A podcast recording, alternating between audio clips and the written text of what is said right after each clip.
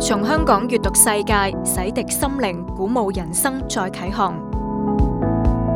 香港贸易发展局主办嘅第三十一届香港书展，于二零二一年七月十四至二十日喺香港会议展览中心举行。今届书展嘅年度主题系心灵励志，寄望读者阅读心灵励志书籍，吸取正面信息，启发心灵成长，冲破逆境，再启航。文艺廊呈现三大专区，特设嘅重新书法专区展出年度主题作家嘅珍贵藏品，专区亦会展出其他作家嘅畅销心灵励志精选书目。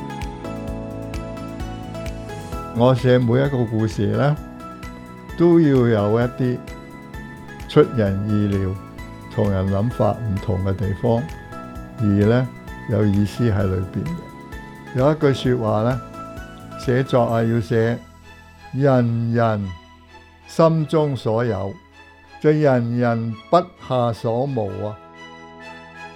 兒童樂園於五十年代創空，陪伴香港人成長。文艺廊为此设有我们的快乐回忆儿童乐园展区，呈现唔同年代嘅儿童乐园画作原稿及相关精品，让大家重拾昔日童真。为纪念一代香港武打巨星，大会与李小龙会携手合作设置不朽巨龙李小龙传奇八十载展区，展出李小龙嘅照片、展布及珍贵藏品。今年书展将设有八大讲座系列，当中包括年度主题、洗涤心灵、鼓舞人生讲座系列、世界视窗、本地文化历史、英语及国际阅读、写意生活、心灵励志、儿童及青年阅读以及名作家讲座系列。一众华文作家亦将于书展与读者交流。二零一零年的时候，其实像就像是老天爷就是推了我一把，就把我推到了这条路上，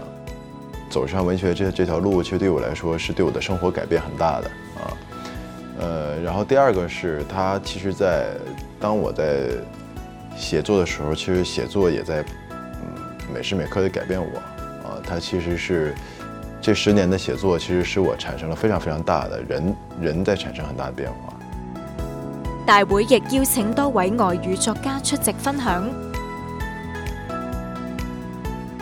除咗一年七日嘅书展外，贸发局联同各区单位及文化机构举办文化七月阅读夏季，让大众体验文字嘅乐趣。从香港阅读世界，洗涤心灵，鼓舞人生，再启航。二零二一年七月十四至二十日，我哋一齐投入香港书展呢个文化盛事啦！